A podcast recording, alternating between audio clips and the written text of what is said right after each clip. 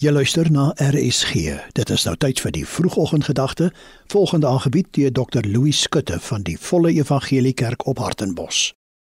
In Johannes 10 vers 7 lees ons waar Jesus sê dat hy die deur is van die skape. Hy sê dit verseker ek julle ek is die deur vir die skape. Almal wat voor my gekom het, is diewe en rowers, maar die skape het nie na hulle geluister nie.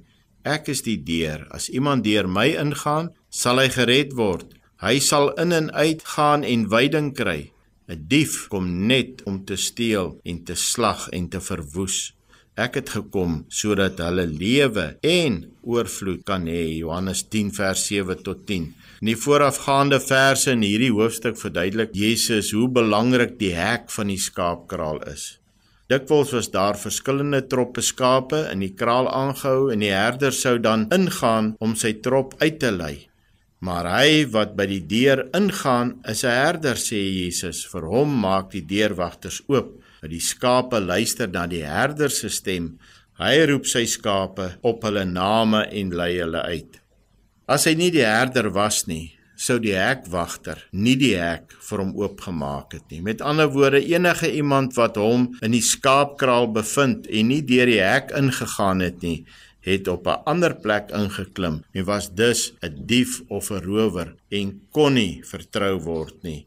In hierdie gedeelte verwys dit na die valse skaapwagters, diegene wat soos die waarvan ons in Jesaja lees, of die fariseërs van sy tyd wat Israel op 'n dwaalspoor gelei het en nie mense soos Moses wat gehoorsaam was aan God en sy opdragte en dit uitgevoer het nie. Die fariseërs was nie opreg nie want hulle was skynheilig wat bely het dat hulle God liefhet maar wat die mense belas het met die interpretasie van die wet.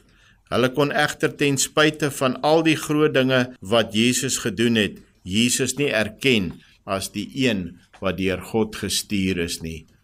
Baie van hulle was wel van mening dat hy wonders gedoen het.